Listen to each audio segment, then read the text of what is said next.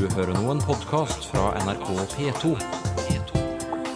nrk.no-podkast. Jeg vet ikke, jeg, men jeg tror det gjør seg at det går bra. Nei, du skulle ha vært en helt annen.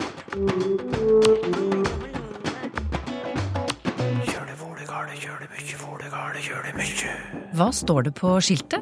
Sykling forbudt. Men inntrykket mitt er at vi får mer og mer av de snille skiltene, og at de autoritære er mer på vei ut. Og årets nyttårsforsett færre kommafeil. Det må jo være et høyverdig forsett. For kommareglene er jo ikke så vanskelige som eh, mange vil ha det til.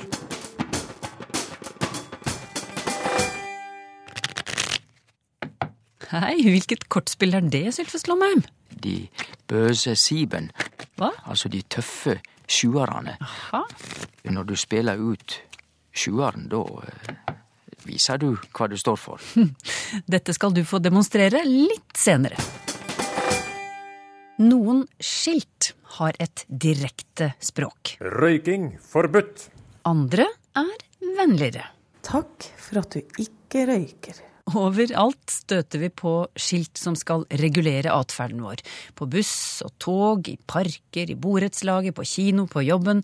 Skilt og plakater som forteller oss hva vi skal gjøre og hva vi ikke skal gjøre.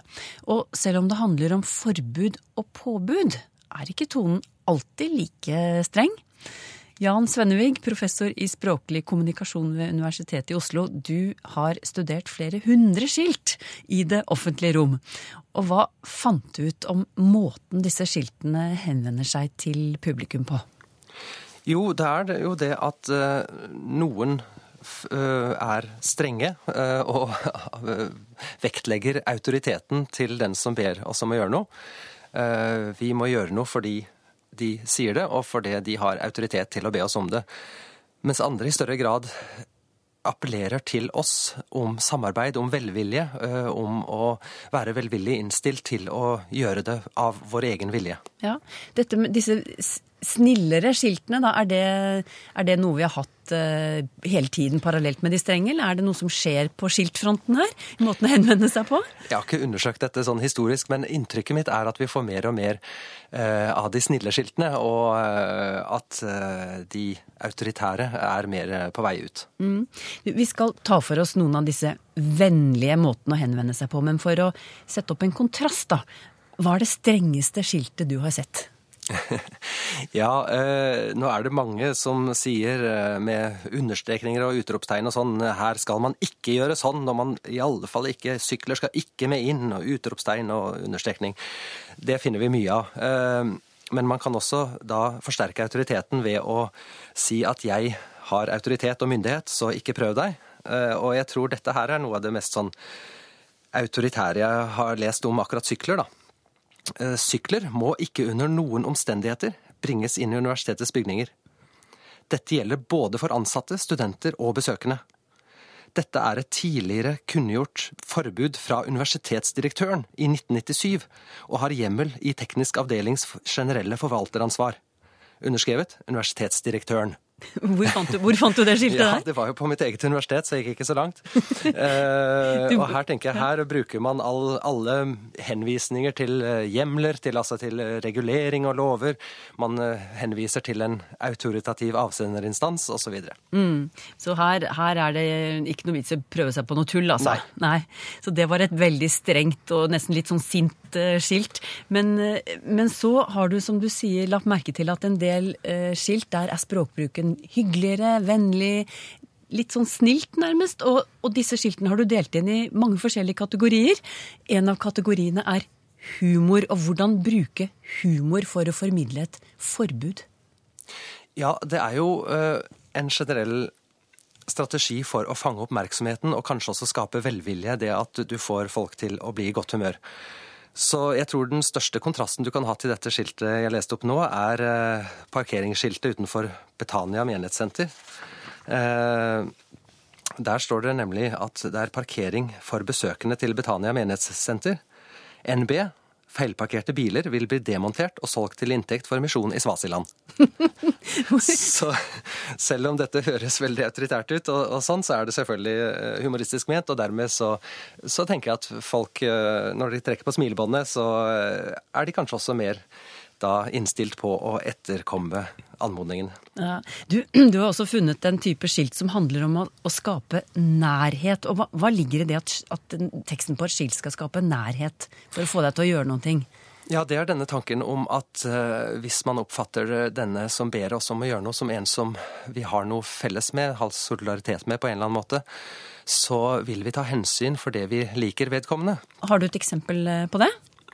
Ja, det er en, eh, et serveringssted i Trondheim hvor det står eh, på døra ut på terrassen står det 'Sorry, Mac. Ikke lov å drikke eller røyke ut. Glad i deg læll'. Den var koselig, da. ja.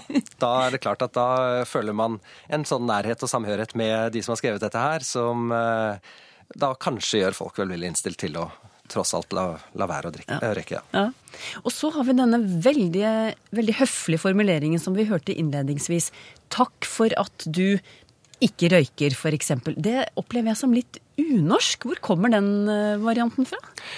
Jeg tror nok at uh, den kommer fra USA. Uh, jeg har vært i USA og ser at den er mer utbredt der enn her, og at den har kommet de siste årene mer og mer her i Norge også.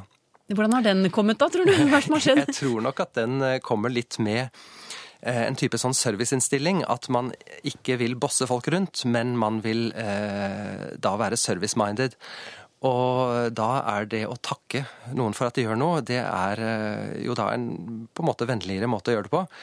Altså, i fagspråket så kaller vi dette en indirekte språkhandling, for på overflaten så gjør du noe egentlig annet enn det du faktisk gjør. Altså på overflaten så takker du noen for at de allerede gjør noe, mens det du egentlig gjør under, er å be dem om ikke å gjøre det.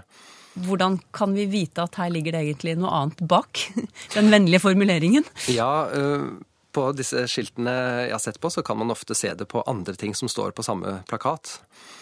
Her fra et hotell 'Thank you for not smoking'. Og så står det under 'Smoking in your room will incur a charge of 1500 norske kroner. Så eh, der kommer straffen og trusselen rett bak. Så det er klart at her ser man at det de egentlig gjør, er å be folk, og til og med påby folk, å ikke gjøre noe. Du, alle disse alternative, hyggelige måtene å uttrykke forbud og påbud på som du har gitt eksempler på nå, hvordan virker de på oss sammenlignet med det herre forbudt og du må, altså de herre sinte? hva, hva, tror du? Jeg tror nok at, at eh, vi kan synes at det er en hyggeligere stemning på en måte rundt oss når vi ser sånne skilt. Eh, jeg har selv hørt folk klage over at f.eks. at de betaler store summer hver måned for å gå på treningsstudio. Og så opplever de at de blir bossa rundt og, og dirigert med veldig uvennlige ordelag på, fra, fra, sånne plakater og skilt rundt omkring i garderoben og sånn. Og da føler de på en måte at, at uh, når de har betalt så mye, så vil de ikke bli behandla sånn. Så jeg tror kanskje at uh, vi kan uh, bli bedre, mer velvillig innstilt. Og særlig hvis noen har en morsom, original måte å gjøre det på. Eh, men problemet er selvfølgelig at disse nye måtene fort lett kan bli da konvensjonelle i seg selv. Særlig denne 'takk for at du ikke røyker' er nok allerede på vei til å bli bare en ny måte å si 'ikke røyk her' på. Mm. Og da mister den fort sin kraft, og så slutter vi å tenke over at dette var noe særlig vennlig sagt i det hele tatt. Men hvordan eh, vil det bli framover? Hvordan tror du skiltretorikken vil mm. utvikle seg? Ja, jeg tror kanskje vi får mindre av den typen med hjemmel i jernbanelovens paragraf ditt og datt er det forbudt å bevege seg på skinnene. Jeg tror vi får mindre av den typen, og så tror jeg nok vi får mer av denne takk for at du er så grei og, og ikke gå på skinnene. Eh, nå har vi ikke sett den ennå, men eh, hele samfunnet dreier seg jo mer og mer i retning av på en måte en sånn servicesamfunn, hvor selv staten og andre inntar en servicerolle. Og Derfor så tenker jeg at vi får mer og mer av det en liten spådom der fra Jan Svennevig, professor i språklig kommunikasjon ved Universitetet i Oslo. Det er sesong for gode forsetter, og om du nå har bestemt deg for å synge mer, furte mindre eller fortelle bedre vitser, så er det vel og bra. Men hva med alle kommafeilene? du og jeg og mange andre begår i løpet av ett år. Der har visst de fleste av oss et forbedringspotensial, eller hva, Bård Borch Michaelsen? Ja visst. Bedre kommasetting, det må jo være et høyverdig forsett. Dessuten så er det jo et forsett som er overkommelig, for kommareglene er jo ikke så vanskelige som eh, mange vil ha det til. Ja, det var det, da.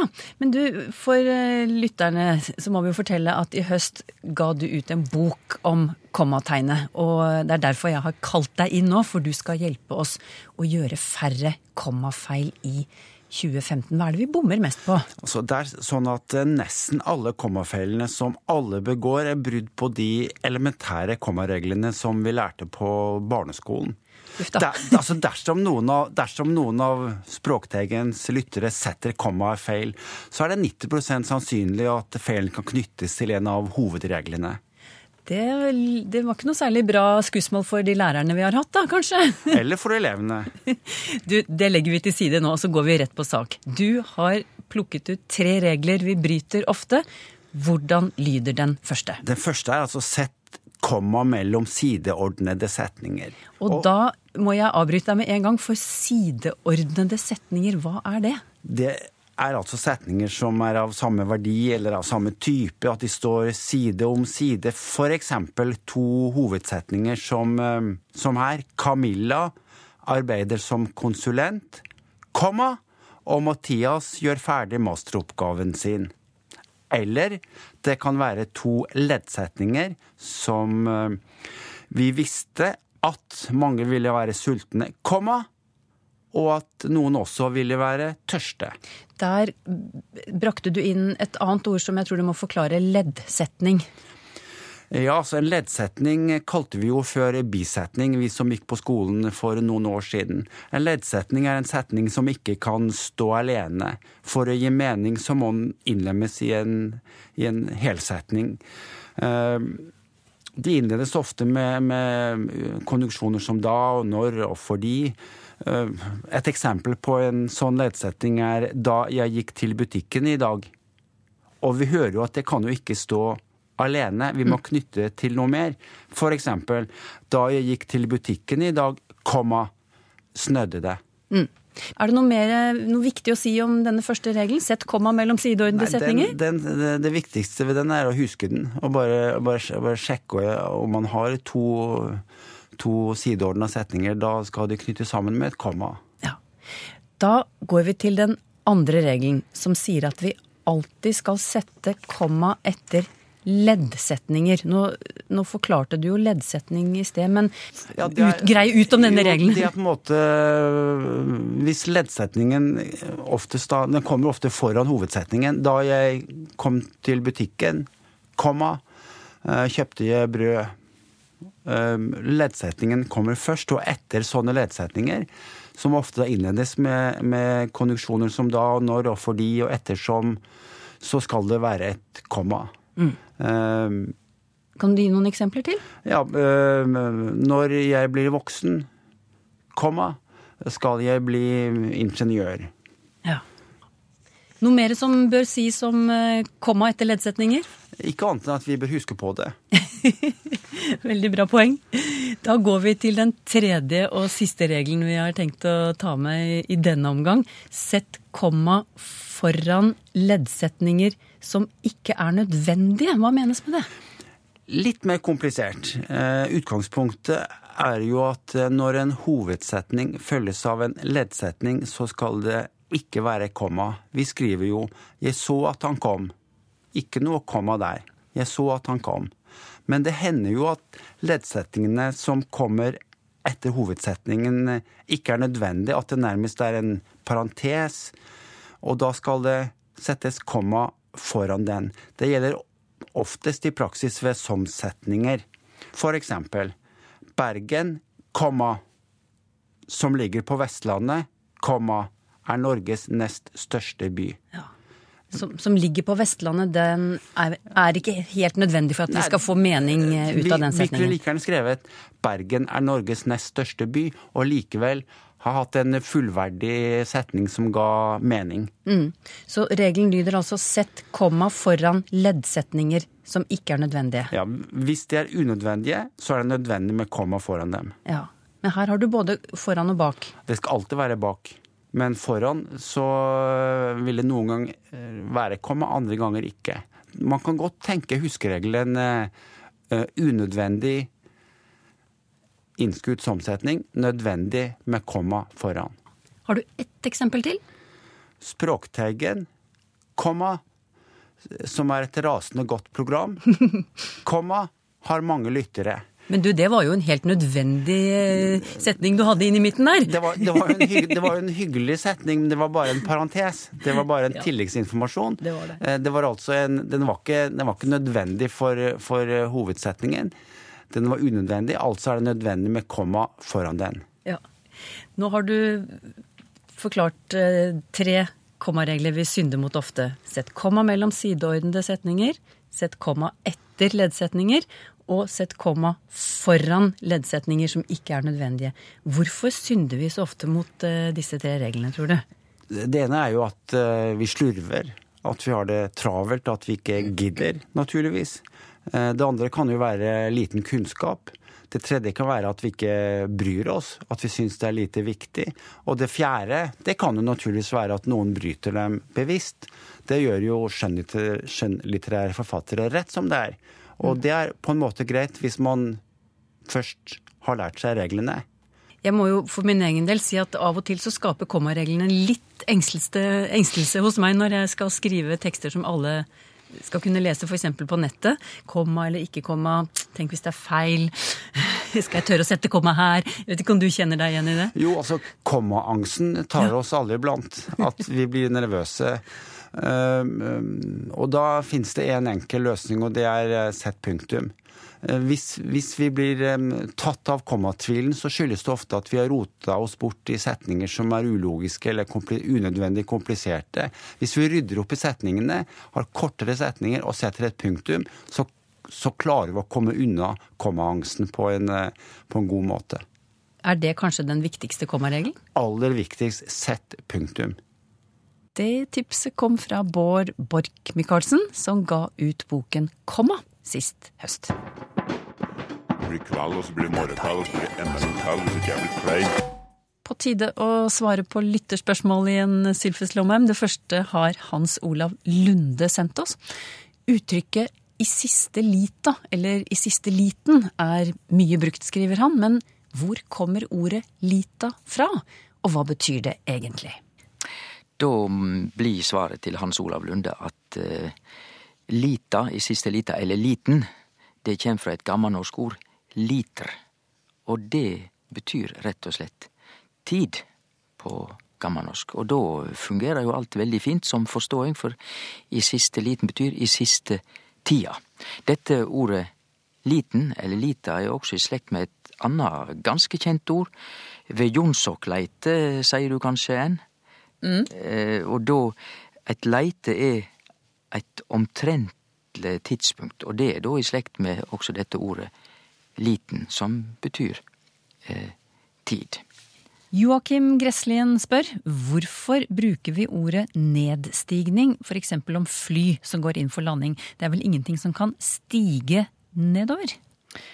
Jau, Joakim Gresslien, det er faktisk det, men jeg skjønner veldig godt at du både lurer og stiller det spørsmålet, fordi at verbet å stige kan jo bety å gå oppover, altså å, å vekse eller, eller å gå oppover.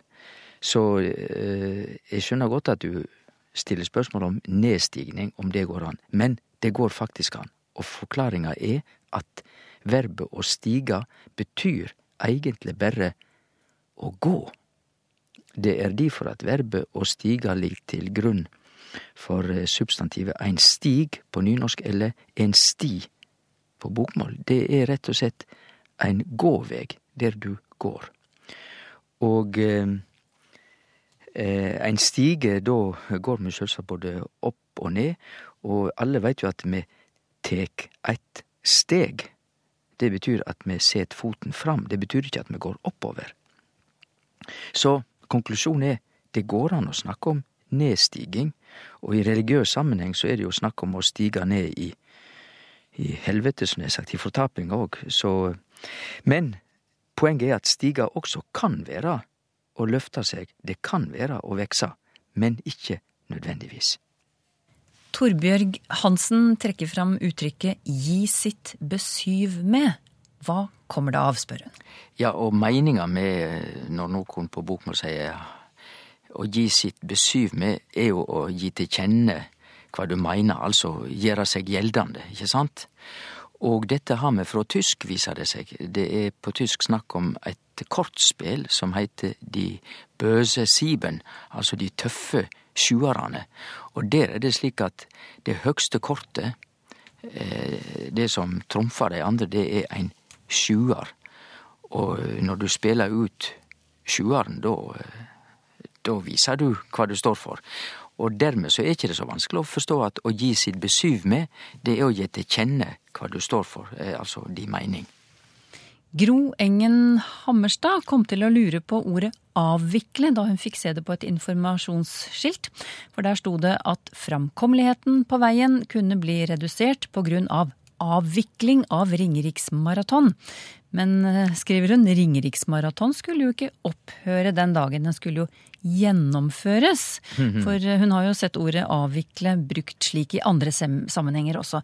Er det korrekt bruk av ordet, vil hun vite, for å avvikle betyr jo uh, også å slutte med noe. F.eks. at man avvikler en bedrift. Ja, nei, jeg forstår godt at Gro Hammerstad sender inn dette. Det er ikke feil å bruke avvikling i dette tilfellet, men det er uheldig fordi at det kan mistolkast. Altså at eh, framkommeligheten på veien blir redusert den 16. august på grunn av avvikling av Ringeriksmaraton. Dette henger da sammen med at verbet å avvikle på norsk har to bruksmåter. Den ene er å avslutte noe, å avvikle noe, altså avslutte. Den andre bruksmåten og meininga er å arrangere noe, og det var jo det som var tilfellet her. Men de kunne løst det veldig enkelt ved å rett og slett ikke seie noe i det heile tatt, altså ta heile ordet ut og seie fremkommeligheten blir redusert på grunn av Ringeriksmaraton. Så hadde ikke de fått noe problem med tolking. På Facebook er det en som kaller seg Susiserken, som spør hvor kommer ordet huskestue fra? Huskestue er jo at da går det litt livlig for seg, og stue er jo greit. Og huske er kanskje i og for seg også greit, for det er huske i betydningen å gynge opp og ned, altså det er snakk om røsle. Og derfor er det liv og røre i ei huskestue. På Twitter skriver Hallgeir Olsen resignere og resignere har ulik betydning, men hva har resignasjon å gjøre med det å skrive under på nytt? Og da må jeg tolke dette spørsmålet slik at resignere, det betyr å signere en gang til. Altså å signere om igjen. Resignere.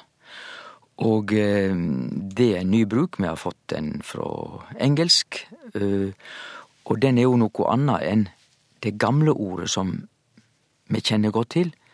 Resignere, som betyr å gi opp, nærmest. Og resignasjon er danna av resignere og ikke resignere.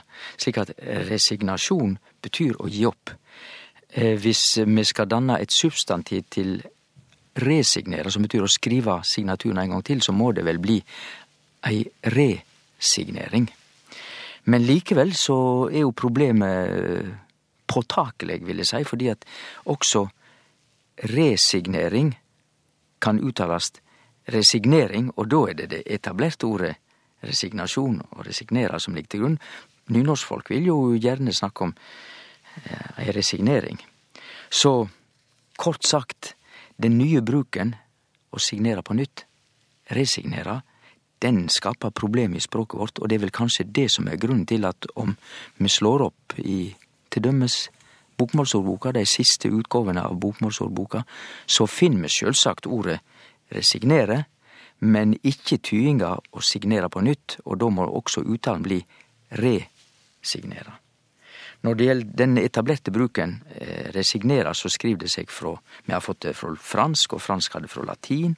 På latin så var dette i opphavet å ta signaturen, eller seglet, tilbake, altså oppheva signaturen. Og da gir du jo opp. Så da skjønner vi eh, egentlig meningsutviklinga fram til vårt ord, som betyr å gi opp. Margit Jarlsdotter Grimstad eh, skriver at hun lenge har lurt på om det heter gale eller galne når, eh, i omtale av mennesker. Hun kommer med eksempler som hun har lest i aviser. De ropte som gale. Heter det ikke de ropte som galne, spør hun. Og eh, dette er også et spørsmål som er litt kinkig, og vi er inne på et område i norsk der det er lett å bli forvirra. For det er ikke tvil om at vi hører på bokmål både gal og galen. Vi snakker om gale mennesker eller galne mennesker. Begge deler er lov. Så bokmål har både gal og galen. Og på bokmål er det nok tendens til meningsskilnad her. Hvis vi bruker galen, så er det vel stort sett eh, kanskje mer i betydning sinnssyk eller sånn. Men er du gal, så er det mer ustyrlig eller feil eller vill eller noe slikt. Så det er det på bokmål. Gal og galen. Begge kjem fra gammelnorsk. Eh, galen fra et verb på gammelnorsk som betyr å gala, som hanen gjør, men på gammelnorsk så tydde også det å, å synge tryllesonger, altså å være heilt fortrolla. Så der er bakgrunnen for gal og galen.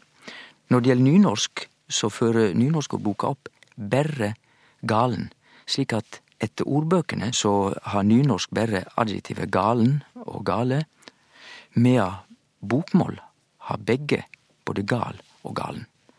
Er det rart at norskskrivande blir forvirra? Jeg syns jo at eh, her kunne vi oppheva alle skilje, og bare folk kunne skrive gal eller galen når de syns det passer. Mm. Men til spørsmålet som Margrit tar her, eh, skal man skrive 'de ropte som gale' eller 'de ropte som galne'? Begge deler er lov, begge deler er rett, og etter uh, bruken i bokmål så er ikke det heilt kanskje samme meining. Mange vil leggja de ropte som galne, da var de eh, heilt sinnsforvirra omtrent, men ropte som gale, da er det meir i retning av ustyrleg eller heilt vilt. Har du spørsmål til Språkteigen, skriv til teigen krøllalfa nrk.no. Eller du kan skrive til Språkteigen, NRK P2, 7005 Trondheim. Du finner oss òg på Twitter og på Facebook. Det har annet handlet om kommategnet i dag. Visste du at på 70-tallet var det snakk om å kutte ut kommareglene? Den historien hører du her i Språkteigen om en uke.